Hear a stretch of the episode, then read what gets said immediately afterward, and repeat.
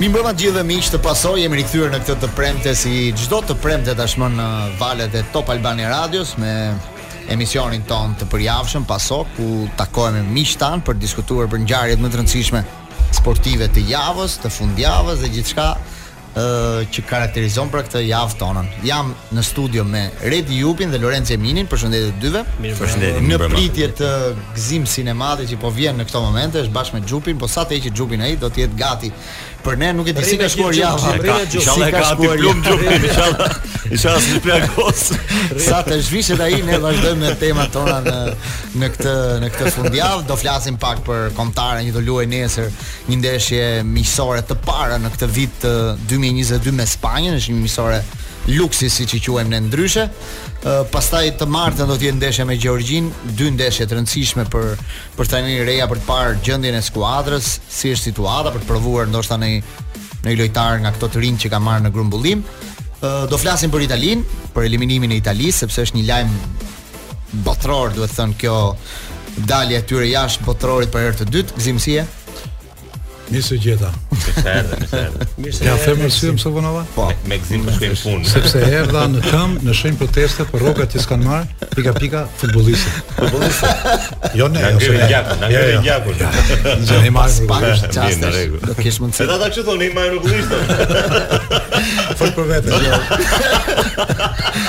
Atë batutën do ta bëjmë pas pak, se do kemi edhe njërin në telefon, kështu që do kemi mundësi që në lidhje, do kemi mundësi t'ia themi dhe hapur. Ka një dorë për atë punë. Ndoshta, nuk e di. Ai është president i rëndësishëm i skuadrës.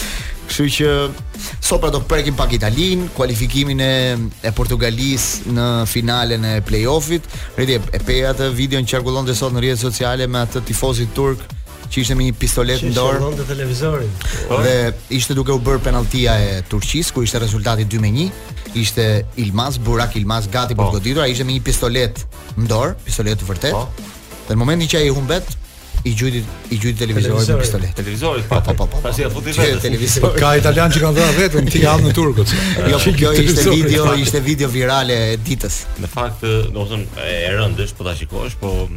Unë kam luajtur 4 vjet në Turqi dhe e di se si e përjetojnë. Domethënë neve na ndodhte përpara, domethënë atje neve ishim një ekip i në atë vit që luajtëm vitin e parë dolëm mirë, po themi, po ishim një një ekip që binte ngrihej nga kategoria, po themi, mesi tabelës ishte mm -hmm. luks. Dhe për shembull ata humbën me Fenerbahçe, Fenerbahçe kishte tre brazilianë të kombëtares së Brazilit, mm -hmm. Van Hooijdonk dhe ku di unë se çfarë, Anelka luante në atë kohë. dhe vinte njëri për shembull dhe priste veten përpara përpara klubit me brisk rroje, e kupton? Në kuptimin e deri në këtë pikë arrin.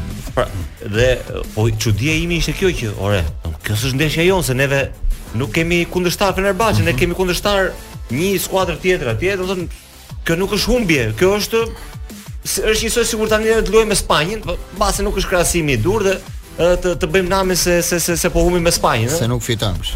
Që edhe mos fitojmë. se Po se di. megjithatë ai ai rasti i humbur dje nga Turqia dhe shansi që ata kishin pak Po. minuta para fundit për ta barazuar Jo, ndeshjen Blendi, ishte është- po ajo ishte jo. jashtëzakonshme. Ishte ata do shkonin në barazim dhe prap ishte për t'u luajtur ndeshja me një ekip që është shumë më i fortë se sa ata. Vetëm atë mos e thuaj Redi se kur iku Italia mirë më mirë. Për një me një gol sot vendos. Dëgjo, unë për Italinë, unë për Italinë nuk e nuk nuk kisha, domethënë as nuk e mendoja që do ikte dje. Ëh. Uh -huh. Po që nuk do hynte në botëror, unë kisha një siguri rreth 70-80%. Që mund ta psonte në ndeshjen e dytë. Që mund ta pësonte në ndeshjen e dytë, se më dukej shumë e çuditshme që Italia të mundte Portugalinë në këtë në këtë gjendje që është tani. pastaj që të humbte me Maqedoninë, pastaj ishte e pamendueshme. Do ta analizojmë pa diskutim këtë pak më vonë. Sabo, mendon po, kështu në këtë gjendje që është tani? Disa muaj më parë kampione e Evropës tani është në gjendje të keqe. Atëherë. Barella është komplet jashtë forme. Jorginho nuk luan fare me Chelsea. Ëh,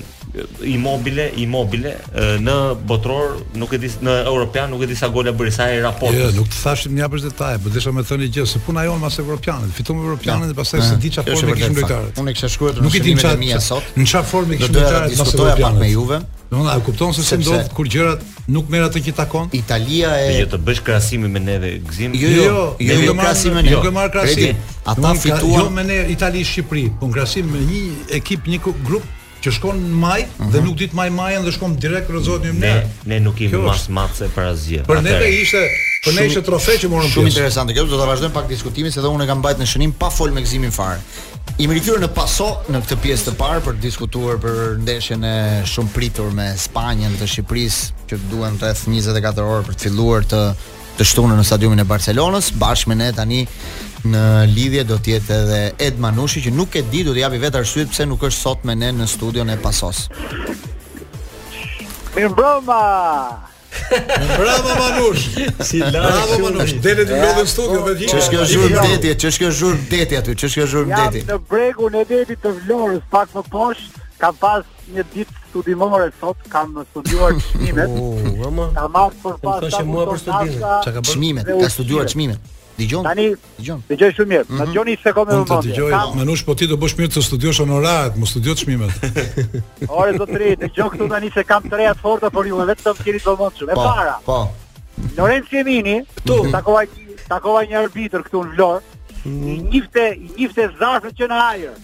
Se sa rëndë të kishin.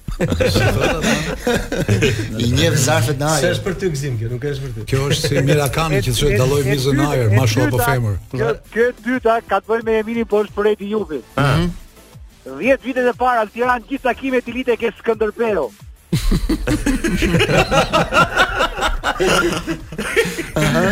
ja ja ja live e sigurt ta dhe për karakter shkencor.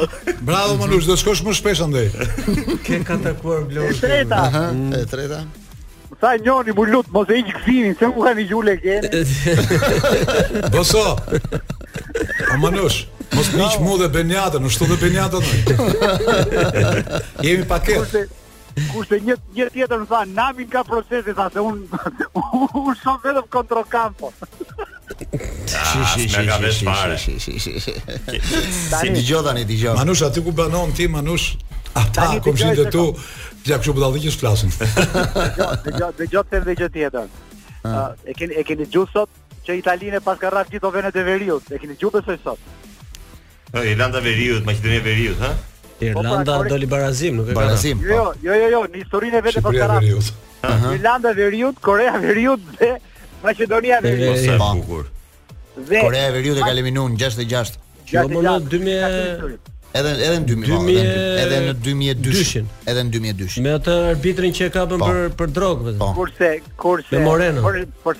Për sa i përket Shqipëri Spanjë që kemi nesër, mm -hmm. kam dëgjuar një super intervistë Jordi Albës. Po. Ktu na rri pak tani. I cili foli me shumë respekt për kombëtaren tonë. Njihte Brojën, vjen edhe nga rezultat nga situata asaj që ndodhi me Italinë dhe Maqedoninë, nuk ka më kombëtare të vogla, ne do mësojmë tani sa që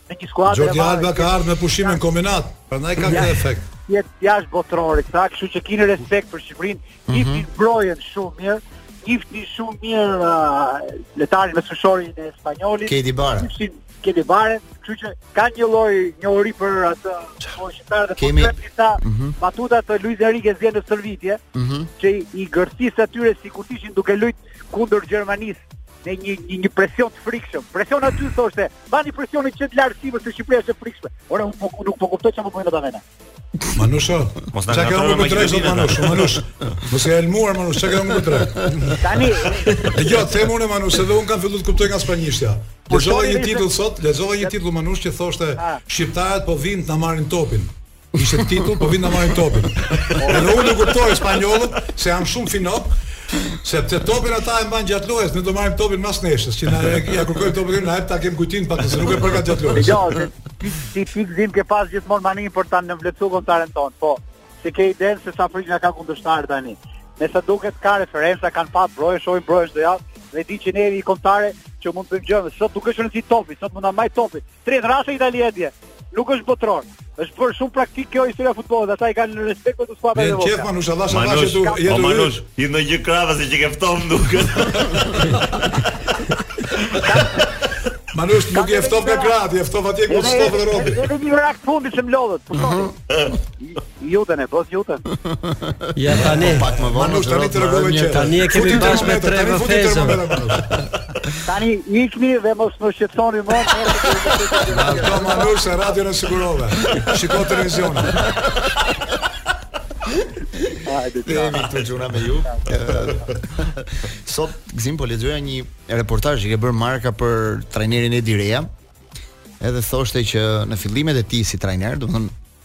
e përshkruante faktin që ai ka luajtur ka drejtuar 1000 1000 ndeshje si më shumë se 1000 ndeshje si trajner.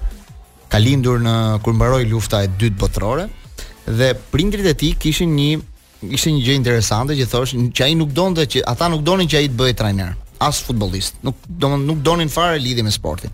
Ata donin që ai të ishte një specialist vere, Ky ishte kjo ishte dëshira që kishin prindërit për Edi Rejën, sepse ata kultivonin rrushin në në zonën. Kam respekt për prindërit e Edi Rejës. Sommelier do të thotë, sommelier. Në zonën, po, në zonën po. ku ai ka lindur dhe ata donin që ai të merrej me verën, nuk donin të merrej me me sportin, por ai kishte shumë mik Fabio Capello, i cili ndikoi shumë në në karrierën e tij si për futbollist ashtu edhe për të për të marrë drejtimin e parë të një skuadre në në ligat inferiore të Italisë dhe pastaj nisi karrierën e tij. Po, Ndërkohë, Blendi. në statistikat, jo edhe edhe këtë të fundit pastaj mund të vazhdosh, në statistikat e tij me Luis Enrique, ai e ka mundur Luis Enrique dy herë kur ka qenë trajner i Lazios në përballje. ka qenë ai me Romën. Po, në përballje kur Luis Enrique ka qenë me Romën, ishte shumë i ri tha, e munda dy herë në dy ndeshje. Kjo është ndeshja e tretë që ata do Nuk luajnë ka- me njëri tjetrin përballë. Nuk ka dy pa nuk ka tre pa dy si si është shprehja. Nuk që duhet ah, nuk, nuk, nuk ka dy pa tre me italianët. Kështu që më duket do Jo. bëhen tre.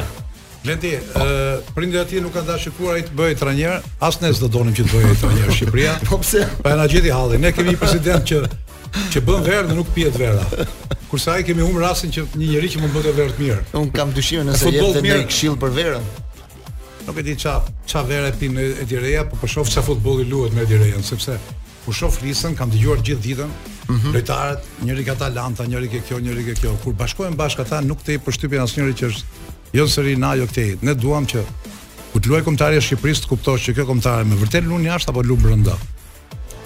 Nuk ka nivel loje për të përfaqësuar ato individ që i kemi ne kaq mirë. Broja në Angli, filani ke Empoli, filani këtu, filani atje, bashkimi amalgama është në dorë të trajnerit. Nëse do ishte bërë enolog, po të bashkonte rrush të mirë, do bënte verë të mirë. Po të bashkosh individ të mirë, Redi që merret me akademi, me futboll, duhet të krijosh ekip të mirë. Të të bëj një pyetje. Po. Kur ke parë ti ndonjëherë kombëtaren tonë që ka luajtur mirë, një kombëtare jona që ka luajtur mirë. Kombëtarja më e mirë më ka dhuruar një miku im, ishte shumë vite përpara, para se të vinte diktatura në futboll. kur thoshte ai që kalonim neve topin në mes fushë dhe njerëzit gëzoheshin shumë tha kur kalonim vizën mes po, fushë po, e quanin po, gol tha. Po pra. Tash ku vjen Spanja, mu kujtohet gjithmonë kjo Barcelona, sepse ne e kemi hall kalimin e mesit të fushës. Ata jo vetëm që marrin topin zotërim, po ata na marrin pushtetin e ndeshjes 90 minuta dhe neve e kemi shumë hall me Spanjën. Prandaj them që ça fiton Shqipëria kur luan me Spanjën. Jemi rikthyer në Paso dhe përpara se të vazhdojmë diskutimet tona në lidhje me ndeshjen e kombëtares kundër Spanjës që do të zhvillohet ditën e shtunë në orën 19:45 në Barcelonë, do doja t'ju bëja një njoftim. në lidhje me Iute Credit. Sot do t'ju them se si mund të bëni një blerje inteligjente. Mjafton të gjeni IutePay Albania në Instagram dhe të shikoni ofertat më të mira dhe mund të blini me këste me 0% interes. IutePay është zgjedhja e zgjuar për blerësin e zgjuar. Pas këtij njoftimi të Iute Credit ne do të vazhdojmë me pyetjen që lamë përgjysmë me Redi Jupin. Sot trajneri Reja në konferencën e shtypit që dha në orën 16:30 tha se Ndeshjen kundër Spanjës, pra ndeshjen, jo konkretisht Spanjë, po një kundërshtar të madh e kam kërkuar vetë. Në këto momente, çfarë na ndihmon ne një ndeshje kundër Spanjës? Domthonë çfarë i jep trajnerit, çfarë i jep Shqipërisë në këtë situatë një ndeshje kundër Spanjës? Nuk e di, mbase Mbase ka një strategji të përcaktuar mirë, por duke e parë kështu nga jashtë, po themi, që dhe aq jashtë nuk jam. ë nuk është se kemi ndonjë përfitim shumë të madh. Gjithsesi, ndeshja për publikun është e rëndësishme. Pra, për publikun ka një rëndësi shumë të madhe sepse ka një, ka një ka një Ka një status të caktuar kombëtarja e Spanjës, ka një ndjeshmëri të caktuar. Jo, po çfarë kurse teknikisht për dukje. Jo, teknikisht po jemi jo, se nuk është se do të bëjmë 5 gola. Po them, po jo. them. Neve neve kemi duhet duhet kuptojmë, ju pashë duke parë tani me Maqedoninë e Veriut. Duke parë tani gjithë kombëtaret e tjera. Po shikoja dje këto kombëtaret e, e Amerikës Latine. kombëtare të forta me lojtarë të mëdhenj tani ka pak në kuptimin teknik të fjalës. Mm -hmm. Pra lojtarët e mëdhenj janë në në në në 10 skuadra po themi. Skuadrat e tjera janë me lojtarë shumë mesatar. Është mesatarizuar shumë vlera, shiko Maqedoninë, shiko Italinë për shembull. E di me çfarë lojtarësh luante Italia dje. Berardi, i Sassuolos, ky që u fut që ishte nga më të mirët Berardi. Mm Ky që u fut pjesa e dytë, më ndihmo pak Glendi me emrat i Sassuolos prap. Tonali që për mua është lojtar shumë mesatar, shumë mesatar dhe ju siguroj po, do ta shikoni edhe në vazhdim. Pak e Shqipëria se do flasim për Italinë për pra, pjesën e dytë. Pra, Maqedonia, lojtarët që ka Maqedonia në përbërjen e saj, nuk afrohen me cilësinë që kemi neve, lojtarët që kemi neve.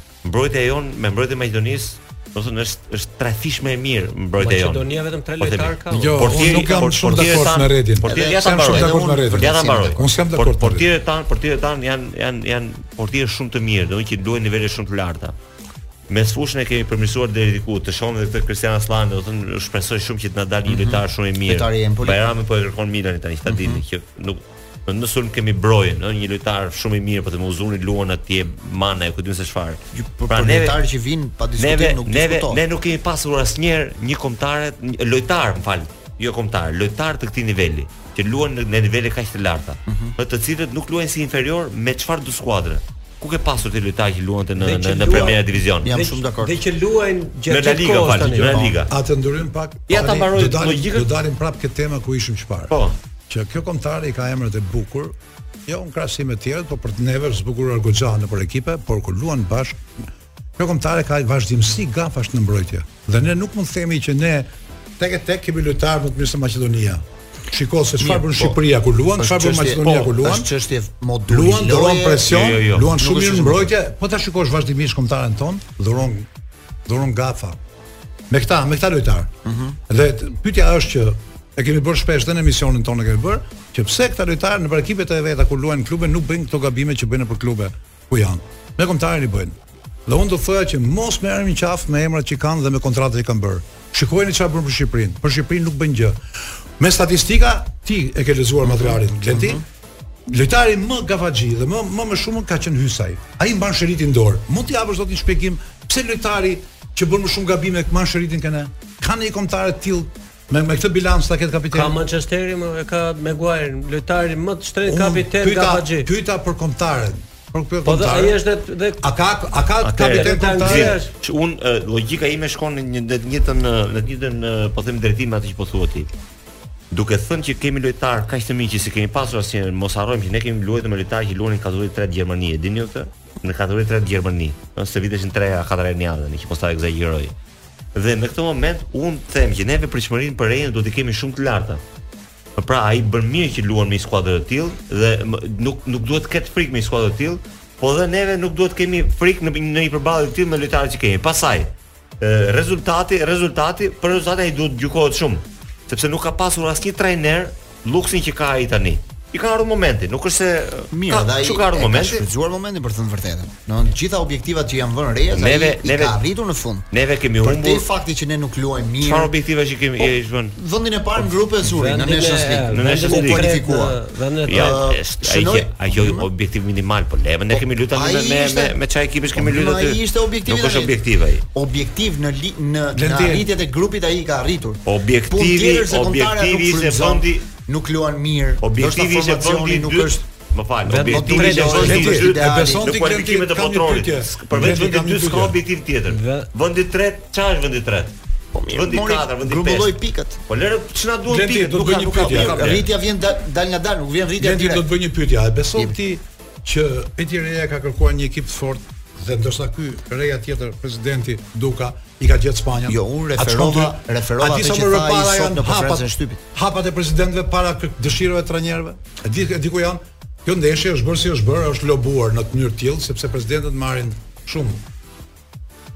Domthon shumë uh, pushtet e, shumë famë kur marrin ndeshje të forta, nuk pyesin fare për trajnerin se çfarë heq ai me ekipin, a shërben s'shërben. Ai thotë solla Spanjën, ky është trofeu për ndeshjen. Dhe unë do të them tani për Edi Reja. Edi Reja nuk ka qenë atëherë me, me Spanjën, ndeshjen e fundit me Spanjën, kush ka qenë? Jo, ka qenë, ka uh, qenë... një ndeshje De Biazi që kemi luajtur në Shkodër. Ndeshja para dy dhe një ndeshje ka qenë Panucci.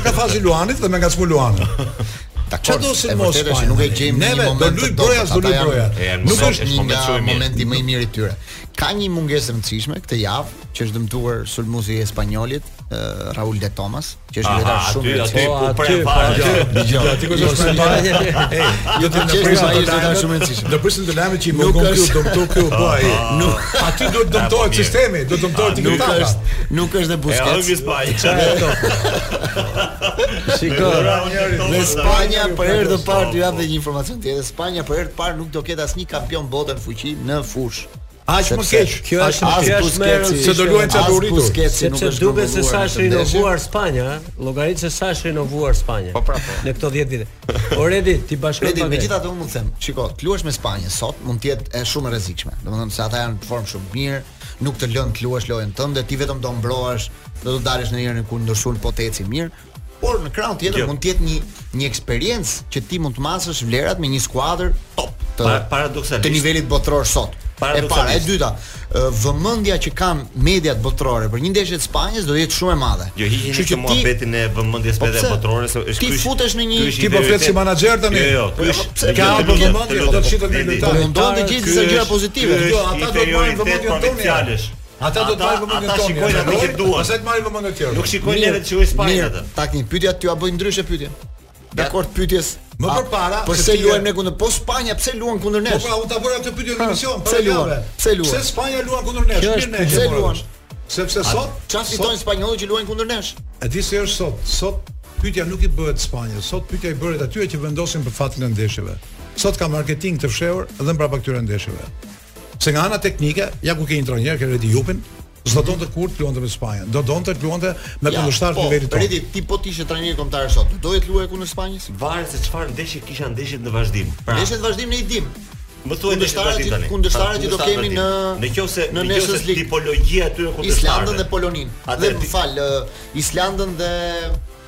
Izraelit. Izraelit. A kanë lidhje me Spanjën këto? Tipologjia e lojtarëve e këtyre ekipeve s'ka lidhje fare me Spanjën, por po kthehem edhe një herë te, te ajo që the, çfarë mm -hmm. mund bëjmë kundër Spanjës.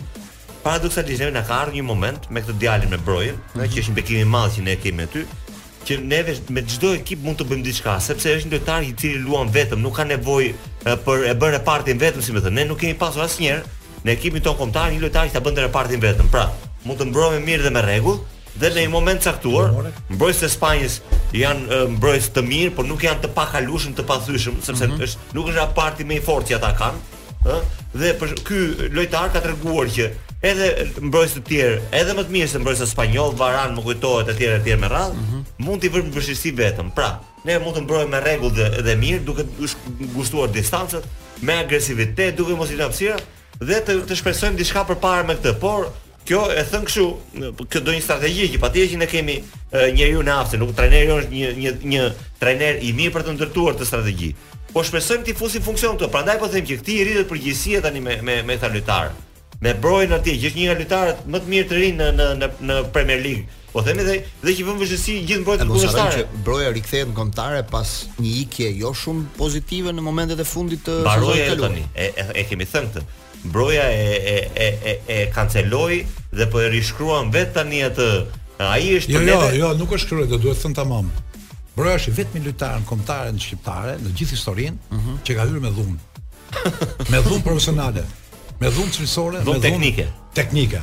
I vetmi, nuk e donin para ca jave thoshte që do vij të kërkoj falje këtu. Kanë me dhunë, po jo me dhunë teknike. Jo, jo, kanë ardhur me dhunë duke shqytyer, se thotë Lenci që erdhi dhe shtypi dera arbitrin poshtë. Ashtu kanë hyrë deri kombëtare. Edhe si këtë titullar federat, ata që kanë hyrë. Shiko, po mirë, mirë. Sot dy nga ata janë titullar. Edhe te rasti Brojës ja t'u t'u dal pak në kundërshtim për ta vetë për ta bërë çik më interesant debatin. Tani trajneri ka 25 lojtarë ose 23 lojtarë sa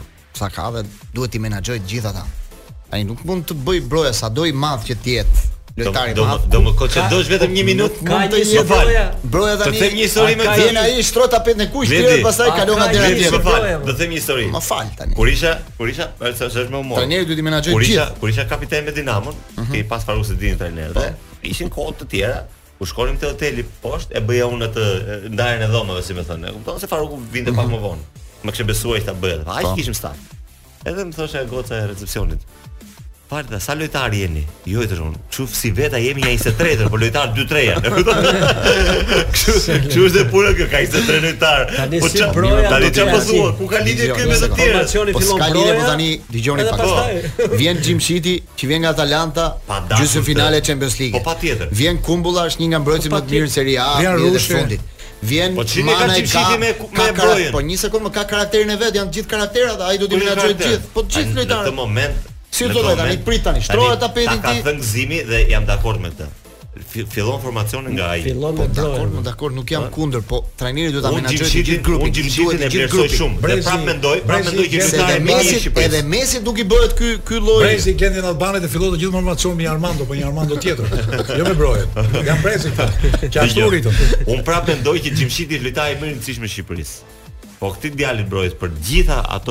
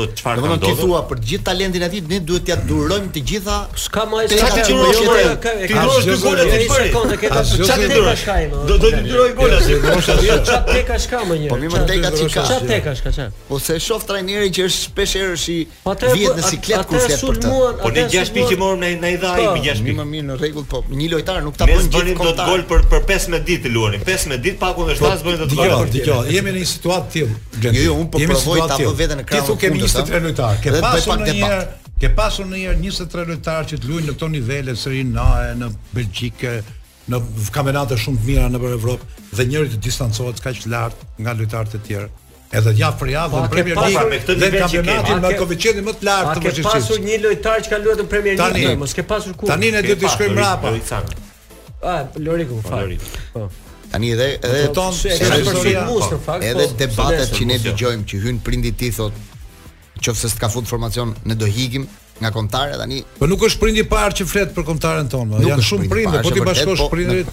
Sikur vetëm kombëtaren tonë ndodhin këto gjëra. Nëse Jo sikur, më sikur. Po kombëtarja jonë është speciale për këtë histori. Doja t'ju thoja disa gjëra interesante në lidhje me ndeshjet tona kundër Spanjës.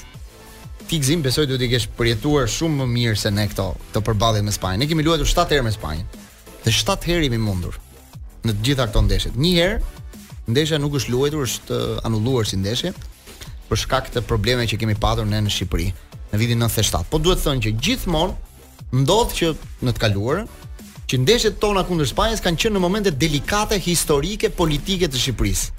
Për shembull, një ndeshje e parë ka qenë në vitin 86 Në atë kohë ne sa u, u pajtuam me Spanjën për të thënë të vërtetën. Nuk kishim marrëdhënie diplomatike, nuk luanim kundër spanjollëve që nga koha e Frankos dhe në 86-ën kombëtarja spanjolle erdhi për herë të parë në Shqipëri dhe fitoi me rezultatin 2-1. Në atë ndeshje shënoi një gol, mos gaboj Muça, duhet të ketë bërë një po, gol në po. atë përballje. Ka shënuar Muça.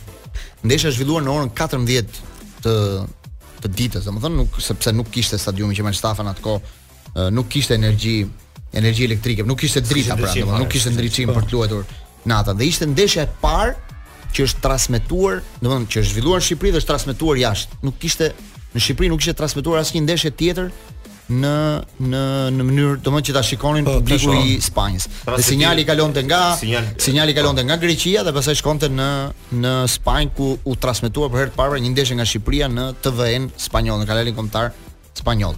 Gazeta Marka në atë në atë kohë ka bërë një reportazh për për Tiranën dhe gazetari i Markës kur dilte nëpër Tiranë thoshte që i kishte rënë për në sy një diçka shumë interesante, thoshte nuk kishte fëmijë në rrugët e Tiranës. Shumë e çuditshme m'u duk si si fjali që në 86 nuk kishte fëmijë në rrugët e Tiranës, qyteti kishte shumë pak makina, nuk kishte kënde lojërash atëherë. Nuk kishte trafik. ë njerëzit ecnin të veçuar, nuk kishte grupime, do nuk ishin të grupuar. Ishte një vit mos gaboj mbas vdekjes së diktatorit, kështu që kjo ishte situata që ata përshkruanin në Shqipëri në 86-ën. Pastaj në ndeshjen e dytë Spanja fitoi, mos gaboj 5 me 0 në në Sevilje, po. në Sevilje ndeshjen e dytë. Pastaj ndeshja tjetër ka qenë në 91-shin. prap një periudhë me shumë trazira në në në Shqipëri. E paske pyetje shumë gjatë, jo, jo, nuk po bëj pyetje, po bëja një aha, po bëja një kalim të të disa përballjeve që ne kemi patur me me Spanjën. Ti ndoshta në 91-shin mund ta edhe mund ta mund ta mbash mend. Unë i mbaj mend ato, po do të thoja që meqë ju e nënvizuat një fakt që jo. gjithmonë me Spanjën kemi luajtur momente delikate. Periudha trazirash, janë. Periudha trazirash nuk ka ndeshje më me trazira se kjo kësaj radhe. I kemi të jashtëligjshëm dhe presidentin dhe sekretarin e federatës. Futbolli është out fare, domethënë do bëhet një ndeshje që ishalla funksionon dhe pa presidentin dhe pa jo, jo, sekretarin. Jo, funksionon, po po kështu ka dalë tani, ka dalë që janë shoqata tani. Deri dje ishin firmë ndërtimi. Ishin njerëz që qarkullojnë 20 milionë euro në vit, tani thonë që shoqata është diçka e vogël ta kështu kështu. Tani është bukur domethënë, është lojë fjalësh, bëhen rrëshqitje të mëdha. Shumë po do të thoja këtë që Do ta shfrytëzojnë ndeshjen me Spanjën dhe inshallah nuk dalin në një rezultat kështu sepse do thonin që na ligjëronin, domethënë se kemi një kombëtare shumë të mirë. Se nëpërmjet kombëtares ata bëjnë shumë lodra. Një herë kombëtaren e përdorin për punë tjera, një herë përdorin për të fituar, që ne tani s'kemi as babë as nonë, janë të dy të jashtëligjshëm dhe baba dhe nona e federatës. Dëgjo. Një ndeshje tjetër për shembull ka qenë në vitin 91 kur spanjollët fitonin 9 me 0. E mban mend atë ndeshje. Po. E mbaj. Mos ke qenë gjë në Spanjë apo jo? E mbaj, jo nuk kam qenë në Spanjë. Mm -hmm. Do doja të isha në Spanjë. E katër gole ka bërë Butragenjo. Por uh, po një 12 me 0 kemi po, pas një. Jo, 9 me 0 është rezultati më i thellë që na kanë mundur. Ngopet Redi, do 12, 9 si më thënë. Atë ndeshje, në atë ndeshje ka qenë shumë e vështirë për për Bejkush Birçen që ishte trajner i kombëtares sepse shumë nga lojtarët mendonin që të largoheshin nga ekipi. Madje Po, ishte larguar edhe ai thotë që në një intervistë që ka dhënë Bejkush Birçe kohë më vonë, thoshte që tre fanella na mungonin dhe i morëm nga skuadra shpresa që plotësuam tre fanella për të luajtur për të formuar ekipin. Gjithmonë trajnerët tanë kur merrshin shumë gola, merreshin me hallet. Ndërsa në në 91-shin ndeshjen e kthimit, ndeshja e kthimit nuk u zhvillua. Nuk u zhvillua sepse për shkak të trazirave. Deri në momentet e fundit Spanja ishte gati për të ardhur në Shqipëri për ta zhvilluar ndeshjen. por nuk u zhvillua, u anullua vetëm në momentet e fundit dhe interesante ishte se spanjollët kishin marrë një informacion që në Shqipëri është situata shumë e rrezikshme, Shqipëri nuk ka ushqim, nuk ka asgjë dhe ata kishin përgatitur 200 kg ushqime që do t'i merrnin me vete. Sot Marka publikonte një foto të të gjithë bagazhit që do merrte kombëtarja spanjolle, kishin futur aty qumshin, vezët, gjithë ushqimet që do merrnin aty. Dhe në momentin e fundit kur u anullua ndeshja për t'u për t'u zhvilluar në Shqipëri, ata nuk u nisën. Edhe tani marrin me vete këtë. Të gjithë ushqimet që jo, ata jo, kishin, të gjithë ushqimet që ata kishin me vete, vezët ka FSHF. Të gjithë ushqimet që ata kishin me vete i kaluan te Kryqi i Kuq sepse i dhanë i i, i falën pra, sepse ndeshja u anullua. Ata me vete më shumë marrin gola se sa vezë. Jemi kthyer tani në këtë pjesë të dytë të jemi kthyer në këtë pjesë të dytë të pasos për të vazhduar diskutimet për çështjet sportive të javës. Jam me Redi Jupin, Gëzim Sinematin, Lorenc Jeminin dhe jemi në pritje të Erjon Bogdanit që do na lidhet nga Italia për të diskutuar edhe për kombëtaren, por edhe për këtë tragjedi që ndodhi në futbollin italian me eliminimin nga play-offi i botërorit të Italisë dhe për të dytin edicion radhazi ata nuk do të jenë pjesë e këtij e këtij botërori. Përpara se të vazhdojmë të flasim, doja të bëja një njoftim bashkë me Lorenc Jeminin, i cili ë uh, na ka sjellë një sponsor të ri tashmë edhe në Paso. Jo të ri sepse e kemi edhe te Procesi. Në Paso është i ri. Ë uh, unë do doja ty të të pyesja nëse mund ta gjesh një celular të lirë në këto. Që janë edhe të mirë edhe të lirë, është e vështirë për ta gjetë, po. Ti mund ta bësh me njohjet e tua. Patjetër Glend, mund ta gjejmë celularin të lirë, të mirë, edhe modern te 3V Fejzo. Këtë javë ka çmime që është One Plus 256 GB dhe 429 euro, Samsung Galaxy A52 289 euro dhe iPhone i ri për vetëm 599 euro. Këtë futi, këtë zgjedh.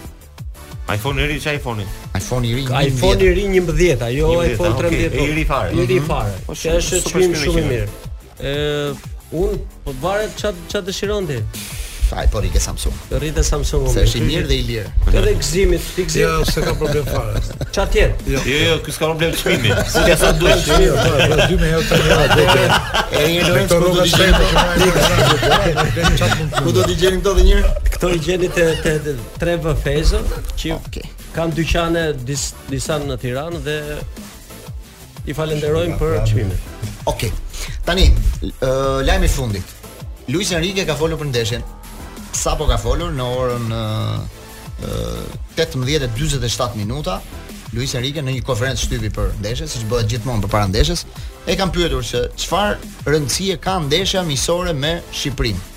Dhe ai thotë, Ë për mua thot, ë dhe për të gjithë lojtarët e mi, të gjitha ndeshjet janë shumë të rëndësishme. Këto dy të para që do luajmë kundër Shqipërisë dhe Islandës, se do ketë dhe me Islandën të martën, ë nuk janë vetëm miqësore thot, sepse unë i konsideroj që para botërorit janë kam 8 ndeshje për të luajtur. Kështu që dua t'i shfrytëzoj në maksimum. Do të kërkoj të eksploroj të gjithë kohën që kam në dispozicion para botërorit. Dhe për Dhe ndeshja me Shqipërinë është shumë e rëndësishme. Kështu thot. La partida con Albania thot është muy importante. Përgjigje edhe Luis Enrique në krahun tjetër, si, importante. Thot që ndeshja me me Shqipërinë pra është shumë e rëndësishme. Ke dëgjuar të dalë një trajner para ndeshjes dhe të thotë që kjo ndeshje nuk më vlen. E dëgjuar një herë? Vlen të thotë që kjo ndeshje nuk e cakton trajneri. Pra, ai thotë që është shumë e rëndësishme. Është shumë lart, po e di si do thoja unë për shembull, uh mhm. -huh. nëse do kishte lirinë e madhe për të thënë atë që duhet të thotë Luis Enrique, trajneri i Spanjës, do donte një ekip që ta vinte në rrezik ta kushtonte sistemin e lojës së Spanjës. Spanja do të dominojë lojën, do të marri topin, do të dhe Spanja, domethënë kalon në inferioritet dhe Francën. Që Franca as vet dhe Italia për shembull në Evropian, kishte qenë vet mante dominim topi dhe loje. Tani unë do thoja që me ekipe si ne që nuk të rrezikojnë, që do presin, them që përfitimi më i madh është joni, sa do durojmë, sa do mbajmë, sa gola do marrim, se sa Spanja. Por trajnerët nuk e thon dot llafin e fundit kur lun Dy kombëtare me një nivel shumë të madh, me disnivel, po thoja. Në qoftë se ka një një për shembull një logjikë për të shpjeguar atë deklaratë Enrikes mm -hmm. është mhm. kjo që ekipet e mëdha në ndeshje me ekipet të, të vogla, të me, unë them që nuk jemi më ekip i vogël, jemi ekip i mesëm tashmë. Ëh mm -hmm. kanë shumë për të humbur dhe pak për të fituar. Pra mos kujtoni se do do ishte po themi një një goditje e lehtë për goditje e lehtë morale po themi në për mm -hmm. për, për rrugëtimin e Spanjës drejt botërorit sepse Spanja Spanja po hyn si si kandidate për të fituar botërorin. Nuk është një skuadër dosi do që shkon, kombëtarja më e fortë në këtë moment në botë. Po është një nga kandidatët, domethënë, mhm. nëse po, është europiana ajo, nuk është Brazili, po, Franca, po, stilistikisht e fitoi. Spanja, këto janë kombëtaret, Anglia, këto janë kombëtaret që po shkojnë për ta fituar botërorin, po themi. dhe në rrugëtimin e saj që do të thotë nuk është larg se botrori është mbas sa i bie mbas në nëntor në në nëntor botrori dhe nuk është larg do i duhet dhe i duhet një rrugëtim sa më i mirë mhm. sepse ndeshjet janë dy tani ka në qershor pra pra janë janë çik janë çik janë çik të rralla ndeshjet se nuk është se janë po luhet çdo javë edhe s'ka problem punë e madhe sepse javën tjetër mund të rikuperojmë. Kjo është ideja që që ka ai. Tani në diskutimet tona do na bashkohet edhe ai që është golashënuesi më i mirë i kombëtares, Erjon Bogdani, autor i 18 golave me ekipin kombëtar. Përshëndetje Erjon. Përshëndetje, mirëmbrëma. Na dëgjon mirë? Mirëmbrëma aty. Je në po, po. Pasoni në Top Albania Radio dhe unë do doja të pyesja pak ku je ku je në këto momente, ku ndodhesh?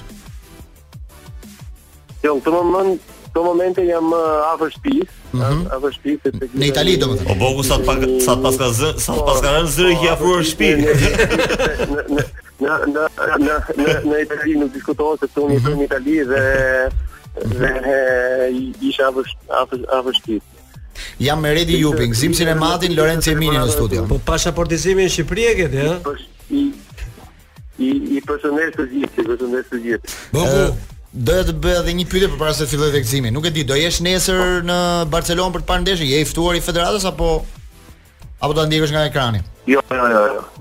Jo, jo, jo, nga nga nga televizori. Nuk e meriton që të jesh Bogo, nuk e meriton të të marrësh ftesë se ti the që ka ardhur koha për ndryshime.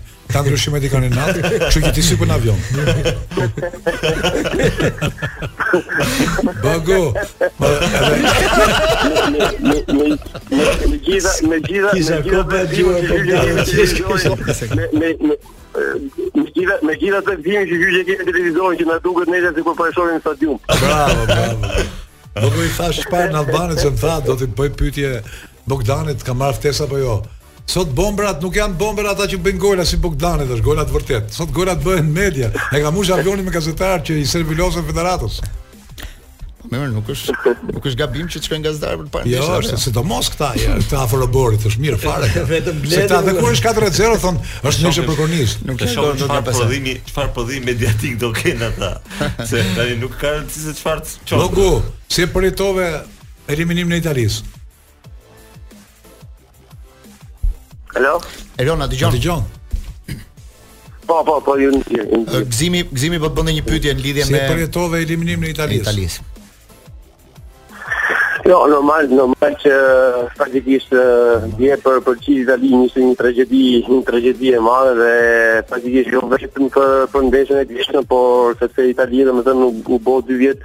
dy dy botërore rresht, pa domethënë 8 vjet që nuk merr pjesë në botërore që nuk ka ndodhur ndonjëherë. Megjithatë, për mendimin tim gjithmonë ë ishte vështirë, ishte ishte vështirë që Italia mbas vendit të dytë të mund të luante botërorin sepse normalisht domethënë do do të kishte më pas një ndeshje finale që ishte një ndeshje e, e vetme kundër Portugalisë, në Portugali që për mendimin tim nuk është se ishte një ndeshje E lehtë. Megjithatë, eliminimi eliminimi i djeshëm i Italisë kundër Maqedonisë me rezultat një me zero dhe sidomos një ndeshje që u luajt në Itali, faktikisht ishte një ndeshje ku asnjë s'e s'e priti, sidomos domethënë dhe për për Italinë ku ku faktikisht shumë media dhe dhe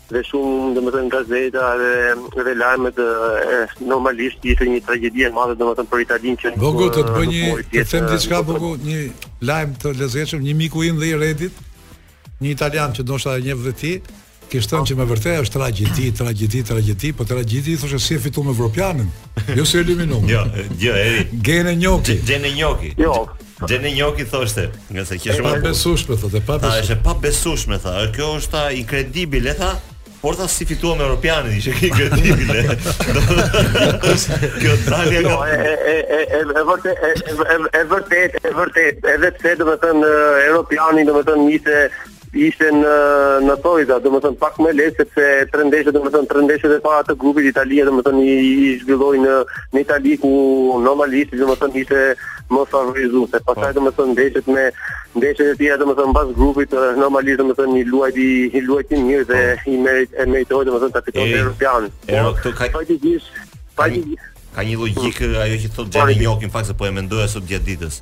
ë do të të dalësh dy herësh nga europiani, në tregon që gjëra nga botërori, më fal mos kualifikosh dy herësh në botëror. Kjo është një, do të thotë kjo është një vazhdimësi. Pra pra kjo krijon vazhdimësi.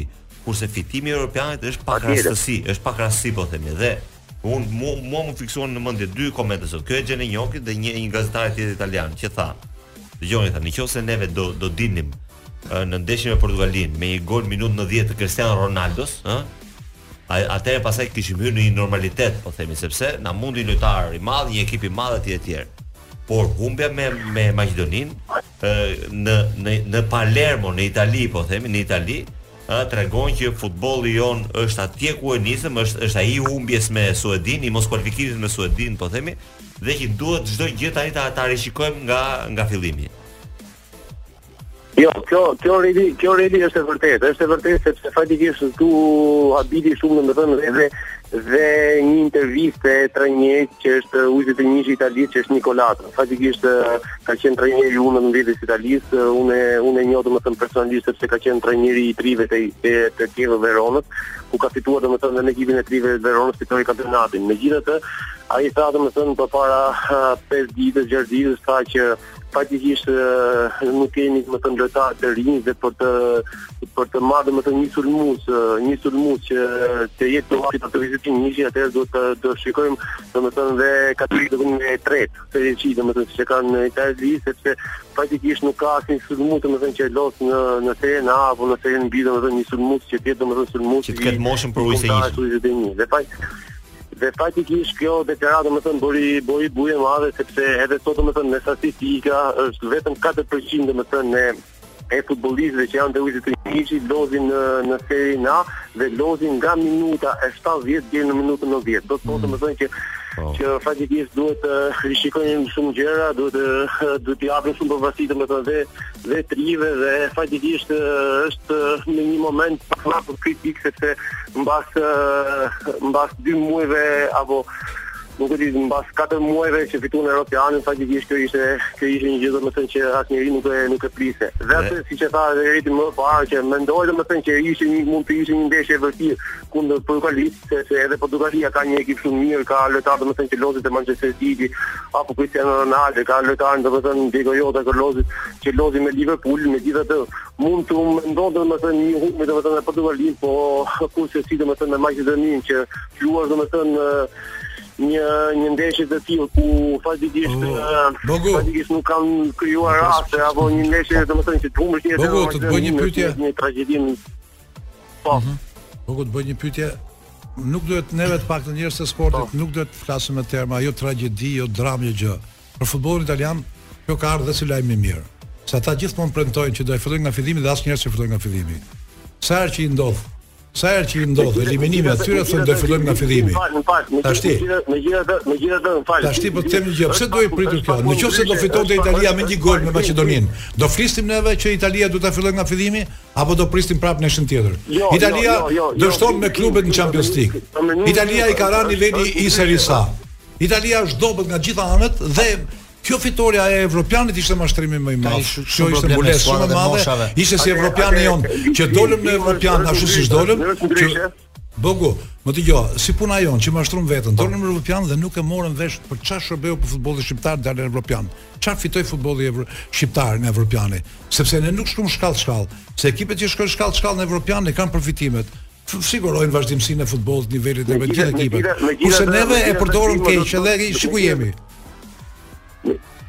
Me megjithatë Gëzim do të doja që faktikisht ka ka dy ka dy momente, për mendimin tim gjithmonë. Ë kur ato u mundën me Suedin, atëherë kishte domethënë një gjë para sy sepse kishte domethënë shumë shumë lojtarë si si De Rossi, Pirlo, ë uh, kush ishte mbase domethënë Cassano, se nuk më kujtohen domethënë shumë lojtarë domethënë që faktikisht ishte fundi i një jetë Kanavaro. normalisht domethënë që do të iknin domethënë dhe dhe po Kanavaro dhe dhe faktikisht ishte domethënë lojtari kurse Dje domethënë ishte pak ndryshe, dje ishte pak ndryshe sepse faktikisht gjithmonë për mendimin tim, nuk është e e e e falshme domethënë të humbësh kundër Maqedonisë, megjithatë po ta shikojmë domethënë dje erdhi domethënë Italia dhe nga një moment kritik.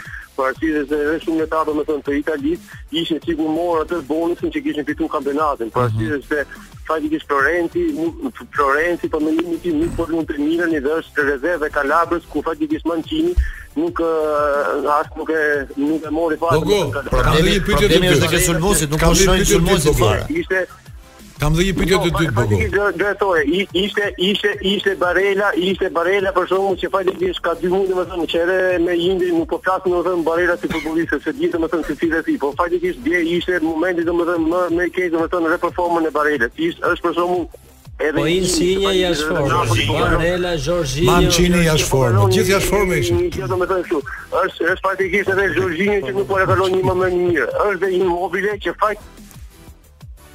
Mm -hmm. Në ekipin kombëtar, sikur transformohet, sikur bëhet domethënë po, një lojtar po. që që faktikisht nuk nuk nuk e ka vendin domethënë ku ku loz dhe prandaj domethënë nisi domethënë moment shumë delikat sepse faktikisht është sikur ia kanë vënë domethënë pak edhe fajin domethënë trajnerit sepse të paktën sikur i dha një bonus të paktën 4-5 lojtarëve ku ku faktikisht fituan Europianin dhe të luanin po. të të të ndeshje dhe dhe faktikisht normalisht me futbollin e tanishëm nuk po flas domethënë me gjithë respektin që kam domethënë dhe për ekipin e Maqedonisë se faktikisht ai që fiton nuk është se duhet të Nuk duhet ta sulmojmë. Bogu, një pyetje, një pyetje. Megjith megjith megjithatë në futbollin, në futbollin e sotëm, të luash për shkakun me 4-5 veta domethënë që nuk Nuk është se janë në formën e duhur, atëherë me thënë drejtën. Rëndon në lojë. Ka po. domethënë që që nuk shkon. Një pyetje unë e parafundit dhe një pyetje Gëzimi të fundit, po vetëm me me shumë shpejtësi përgjigjen. Uh, Mancini duhet të vazhdojë të qëndrojë te stoli i Italisë si mendon apo duhet të ndryshojë?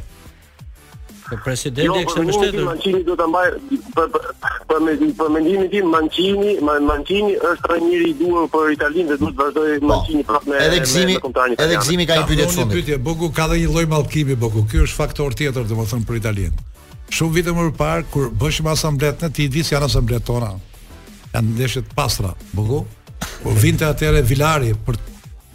për të zgjedhur presidentin që kemi sot që e gëzojmë për 20 vjetësh, Vilari s'është, përfundoi me arrestim. Vinte pastaj Platinia për të mbrojtur atë, edhe Platinia gati sa s'hyri brenda, po është jashtë po prap është jashtë futbollit. Uh mhm. -huh. Vjen para 4 vjetësh ukrainasi, tashi ka probleme me drejtësinë, është kapur me me miliona euro shkelje financiare. Tashi i fundit erdhi presidenti jot nga pjesa italiane Gravina,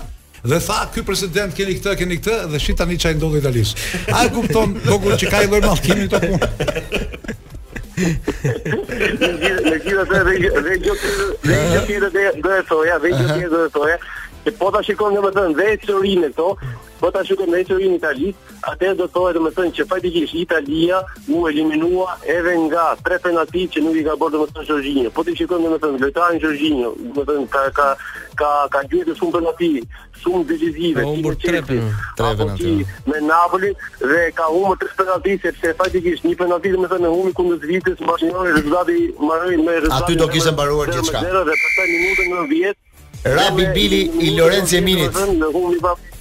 Erjon Bogdani, të falenderojmë shumë që ishe me ne sot dhe të presim në Tiranë. Do të jemi me pjesa jote goli i fundit që ai tha 18 gola, goli jot i 19 është kur mund, kur mund Lorenc Jeminin në tenis. Kur e mund. Jemi rikthyer së bashku në 15 minutat e fundit të Pasos për këtë javë, përpara ndeshjes së Shqipërisë me Spanjën që do të luhet në Barcelonë. Interesant është fakti se kombëtarja spanjolle rikthehet në Barcelonë për të luajtur një ndeshje pas 18 vjetësh. Ka 18 vjet që kombëtarja e Spanjës nuk luan në Barcelonë dhe interesante është gjithashtu që stadiumi do jetë i mbushur plot e përplot stadiumi i ri i Espanjolit ku do zhvillohet ndeshja. Keidi Bare do jetë si në shpinë e tij sepse aty luan një herë në dy javë me me skuadrën e tij Espanjol. Edhe Broja në shpinë të tij në Angli, po vajte disa tribun. disa statistika për sa i përket ndeshjes. Ndërkohë, më bëri përshtypje Gëzim para pak minutësh një deklaratë në media italiane për të vazhduar pak diskutimin në lidhje me Italinë. Kanë bërë një intervistë me mamanë e Mançinit. Dhe i kanë thënë që a e prisje ti këtë situatë. Ajo ka thënë që nuk e prisnim as unë as djali im, nuk e po. prisnim që të eliminoheshim që që në ndeshjen e parë, domethënë mendonim që më e vështira do të ishte ndeshja e dytë dhe ka bërë deklaratë në fund dhe ka thënë po të isha unë në vendin e Mançinit, Balotelin do ta merrja në kombëtare.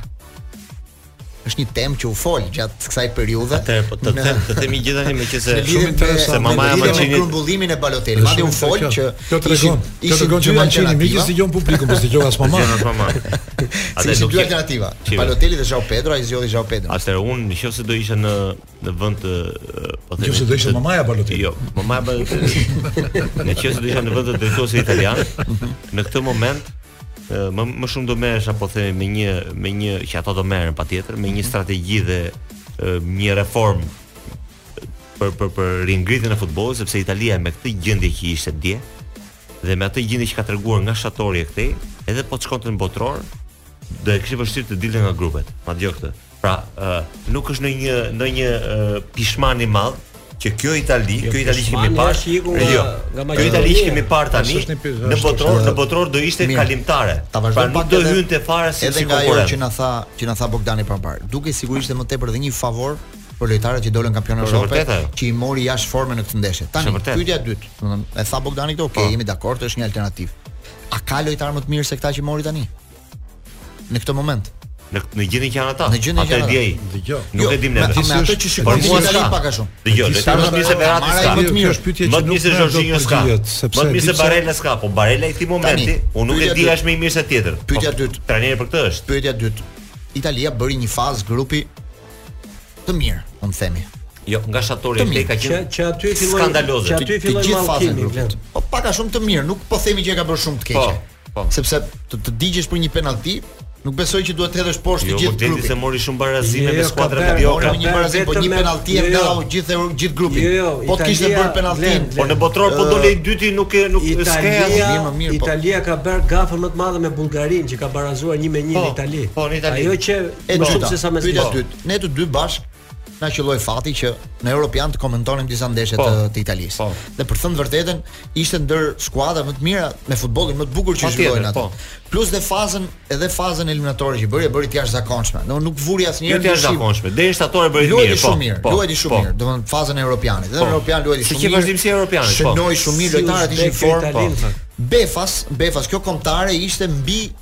mbi çdo parashikim. Domethënë as klubet nuk luanin futbollin që bënte Italia. Domethënë të po. gjithë pyesnin si ka mundësi Mancini këta lojtarë që në klube nuk është se bëjnë një bëjnë namin në Europë, në kombëtare i lidh kaq mirë dhe bëjnë futboll kaq bukur. Ishte futbolli pak a shumë i Atalantës ja, nëse mund ta krahasosh. Ja të them tani. Dhe befas kjo skuadër fiket. Të them faktorët.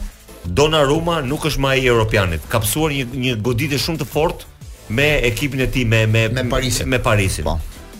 Dyshja Kelini Bonucci janë jashtë të dy. Dhe po luan me Bastonin dhe me Mancinin. Sado të mirë dhe dhe të ardhme të kenë Italia e fitoi Europianin me me Bonucci dhe dhe dhe dhe dhe me dhe me Kelinin. Kelinin. Në dhe po, me po, po, Donnarumma dhe ishin treshja treshja vendimtare në doli portieri më i mirë. Në fitore në fitore në fitoren e Europianit. Ja këta të tre janë dy nuk ishin, njëri nuk është më ai që është. Jorginho nuk ka lidhje fare me lojtarin e Europianit, Barella s'ka lidhje fare me lojtarin e Europianit, i vetmi është Verratti që është ka mbaj ka mbajtur Verratti s'ishte shumë në Europian. S'ishte në Europian, është më mirë tani, është më mirë tani. Ishte gjys për gjys. Dy mbrojtësit e krahut nuk i ka pika të forta, Emersoni po shikoja dje vetëm një driblim ka bërë me kundërshtarin direkt. Krahu tjetër nuk ishte. Tre lojtarë përpara, për për përveç Berardit që mua më pëlqeu dje, përveç rasteve që humbi, kurse Insigne me Immobile pastaj janë janë temë më vete, kupton?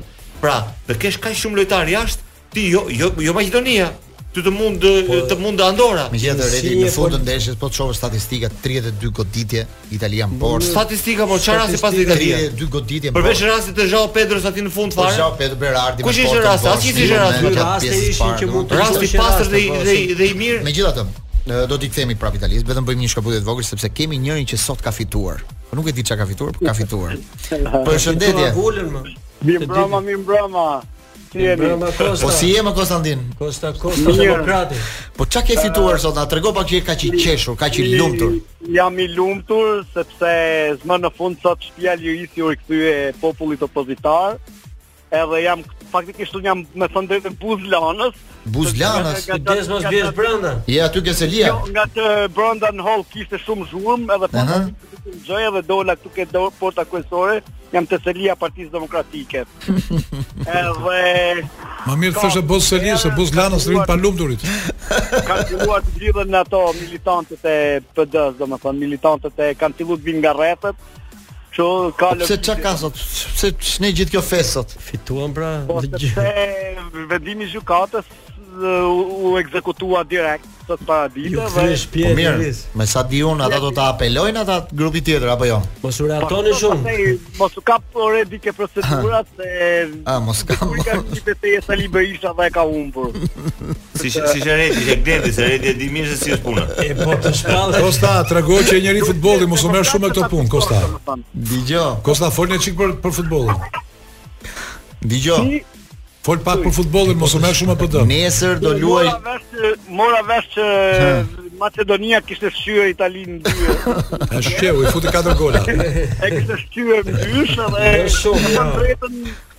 Aha. Uh -huh. Nuk merr fort mirë se ma itali, italianët i kemi si pun mish ne dhe uh -huh. merri një çik keç. A ishte mërzit ai miku jot Lorenzo?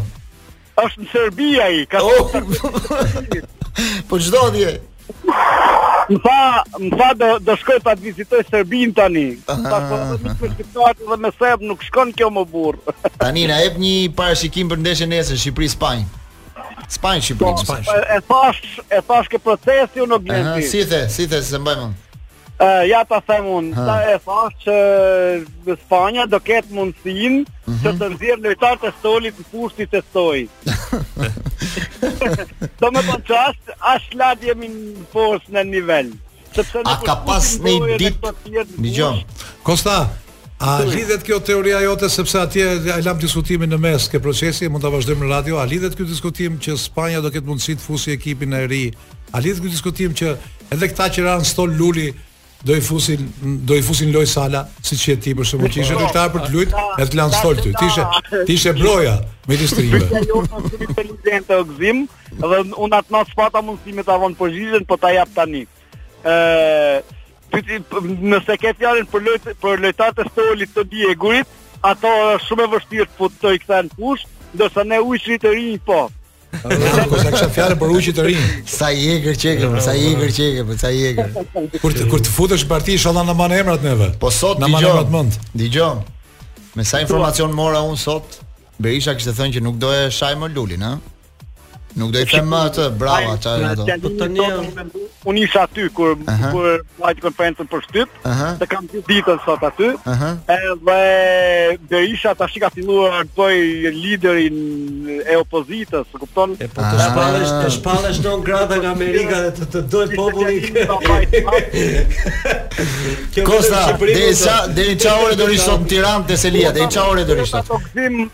Vota të Gëzim Sali Berishës nuk e jep ju i kim po ja jo. Jo ishte Lenci, nuk ishte Gëzimi.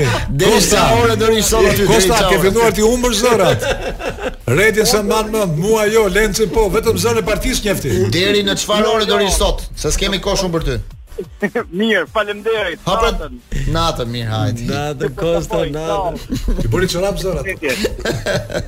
Vetëm një zë di e njeh njeh sot ai, nuk njeh tjetër. Redi sot uh, Arigo Saki po bënte një analizë në lidhje me me eliminimin e Italisë dhe ai thotë që nuk është as problem lojtarësh, domethënë të këtyre lojtarëve që kemi tani. Ndërkohë linja e Kostës sapo ra. Domethënë nuk është problem i lojtarëve që kemi tani, nuk është as problem trajneri, por është një problem institucional. Futbolli italian prej 12 vjetësh sipas Sakit nuk ka ide të reja. Mungojnë ide të reja të zhvillimit. Po të shohësh skuadrat e moshave thotë ai janë mbushur me të huaj.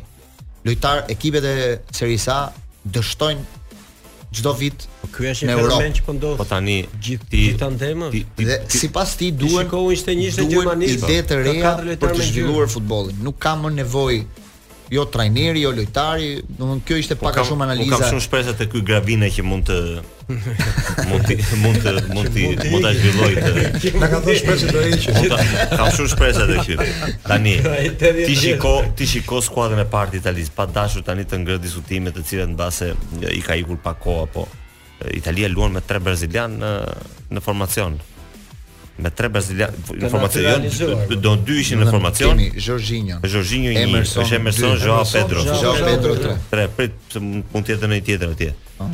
pra nëse është brazilian nga nga teknika e bazë po pra edhe ekipi A do të thon luan me një me një me një pjesë të të madhe lojtarë që janë të naturalizuar me mend tani futbolli italian ka probleme shumë të mëdha. Mua më duk sikur Interi sikur Interi po bënte po bënte një do të thon po fillonte një ngritje sepse filloi një cikël me kampionatin që fitoi vjet me Conten, me lojtarë si Bastoni që janë lojtarë të rinj që e futi, do të thotë se ishte çudi e madhe, hoqi Godin për të luajtur Bastoni në formacion.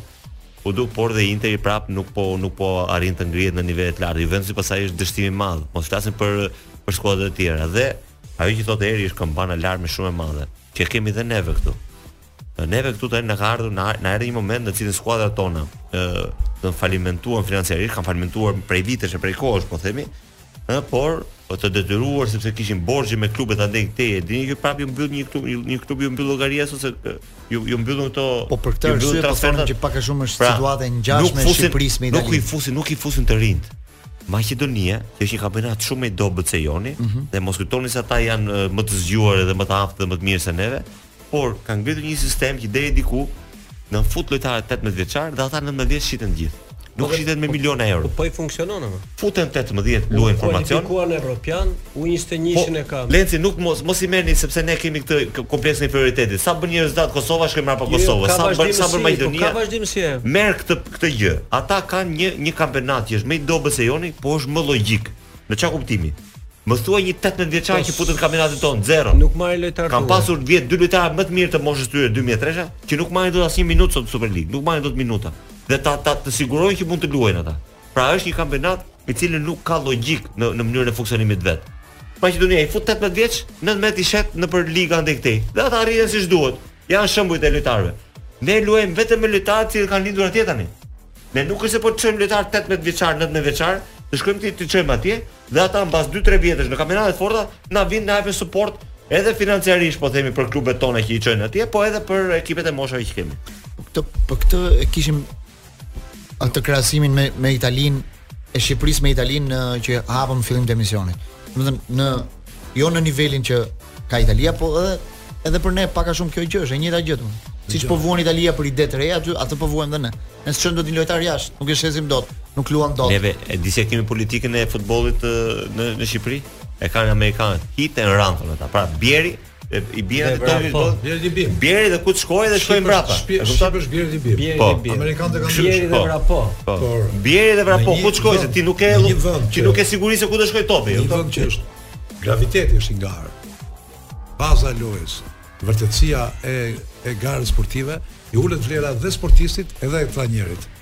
Ne themi shpesh që pse trajnerët tanë nuk kanë treg tjetër, por janë këtu afër, shumë afër.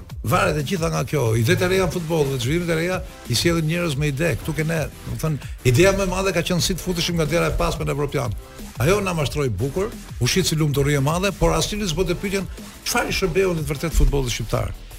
Përse hymë dhe çfarë pasoje, ça ça shkaqe ose ça pasojash nega, pozitive kishte. Përveç lumturisë u përdor më shumë, u përdor lumturi politike sa sportive. Çfarë ndodhi mas evropianit? Sepse ai thotë kemi projekte, kemi projekte për moshat për këtë për këtë Redi që merret me moshat, e di shumë mirë se si ku është gjendja me moshat.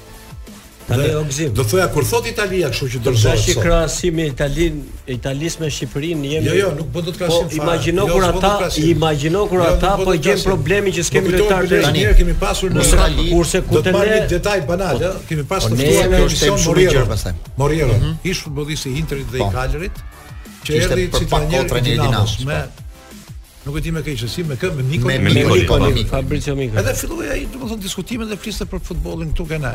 Edhe në një diskutim i thashë, po ndryshon shumë thashë futbolli moshave në Itali meqë unë kam qenë disa herë në seanca stërvitore të fëmijëve në Itali. Atje fëmijët dorëzohen dhe merren institucione me fëmijët. Kurse këtu ke ne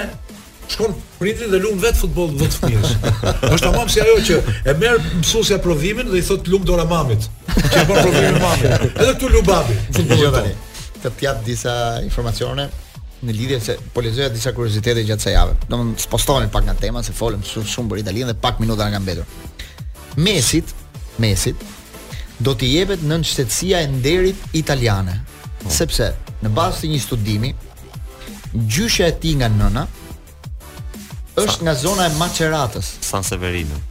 Dhe ai do marri dhe mas shumë kërkimeve, do kenë vite që një institut në Argjentinë, po ashtu dhe një i apasionuar pas futbollit, janë marrë me disa kërkime për të gjetur rrënjët e familjes Mesit dhe del që Mesi është nga Italia.